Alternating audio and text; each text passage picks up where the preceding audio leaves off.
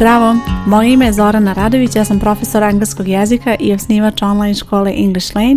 Ovo što slušaš je English Lane podcast gdje pričamo o korisnim savjetima i lekcijama za učenje engleskog jezika. Danas za tebe imam jednu lekciju u kojoj ću ti predložiti tri veznika koje će ti pomoći da napraviš složenu rečenicu. Kada kreniš sa učenjem engleskog jezika, prvo ćeš učiti da napraviš neke jednostavnije rečenice koje obično imaju jedan glagol i kako napreduješ, vrlo je bitno da naučiš da proširiš te rečenice, da naučiš kako da povežeš misli u jednu složenu rečenicu, jer to je nešto što će odmah imati bolji uticaj i tvoj engleski će zvučati i sigurnije i ti ćeš zvučati mnogo bolje kada treba nešto da izgovoriš i izbeći izbjeći ona dosadna ponavljanja kada ponavljaš subjekat rečenice onako iz rečenice u rečenicu. Odmah ćeš sve ovo vidjeti na primjerima koje ću navesti i počet ćemo od veznika koji ćeš najlakše upotrebiti da spojiš dve rečenice u jednu, a to je and.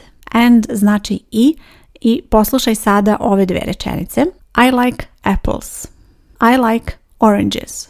Ovo je nešto što ćeš učiti na početnom nivou i izgovorit ćeš ovakve rečenice, ponavljat ćeš se, ponavljat ćeš subjekat rečenice i to je potpuno u redu kada kreneš sa učenjem engleskog jezika. Nemoj se truditi ako si početnik, nemoj se truditi u startu da praviš složene rečenice i da spajaš sve ovo u jednu, jer neće to uvijek biti tako jednostavno i vrlo je lako da napraviš grešku u toj situaciji. Već prvo nauči kako da napraviš ove rečenice, nauči zašto je like, zašto nije likes i ostale ostale delove rečenica, pa tek onda krećeš da učiš kako da takve rečenice spojiš u jednu. U ovom slučaju složena rečenica će biti I like apples and I like oranges. Na ovaj način ti spaješ ove dve rečenice u jednu i postoji situacija kao što je ova gdje su subjekat i glagol isti i onda možeš da ih izostaviš. Dakle, to se dešava samo ako su subjekat i glagol isti, onda možeš da izostaviš i onda rečenica može da glasi i ovako. I like apples and oranges. I ova rečenica je tačna. Na ovaj način izbjegneš ponavljanje istog subjekta i glagola i spojila si sve u jednu rečenicu umjesto što si napisala dve odvojene kraće rečenice. A šta znači isti subjekat i glagol? Vratit ću se još jednom na ovaj primjer. I like apples and I like oranges.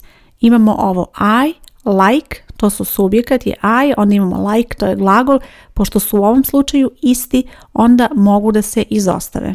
Navešću ti još jedan primjer. She entered the house. She brought the bag. Kada spajaš ove dve rečenice, možeš samo dodati and između i onda to zvuči ovako. She entered the house and she brought the bag.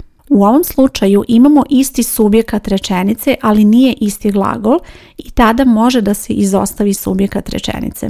Poslušaj sada kako to zvuči. She entered the house and brought the bag. U tom slučaju izbjegnuto je to ponavljanje istog subjekta, ali može da se napiše i sa subjektom, tako da ako imaš situaciju kada nisi sigurna da li smeš da izostaviš subjekat ili ne, onda bolje uvek ostavi jer onda ćeš biti sigurnija da je takva rečenica tačna. U ovoj rečenici bila su dva različita glagola entered, brought i onda nije mogao da se izostavi glagol. Sljedeće dvije rečenice. They are at the meeting. They are talking about the project. Opet ovo možeš spojiti u jednu rečenicu koristeći and i to zvuči ovako. They are at the meeting and they are talking about the project. U ovoj rečenici nije moguće da izostaviš delove rečenice zato što su u pitanju dva različita vremena u rečenicama.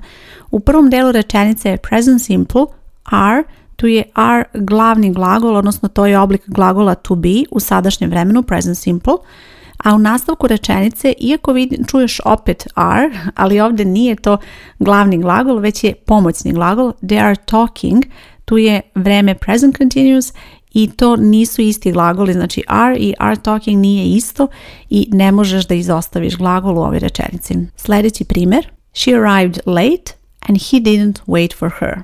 U ovoj rečenici različit je subjekat, različiti su glagoli, u jednoj je rečenica potvrna, u nastavku je odrična. U tom slučaju nije moguće izostaviti ništa od delova rečenice, a jednostavno ako hoćeš ovo da spojiš u jednu složenu rečenicu, samo dodaš and između i na taj način napraviš složenu rečenicu.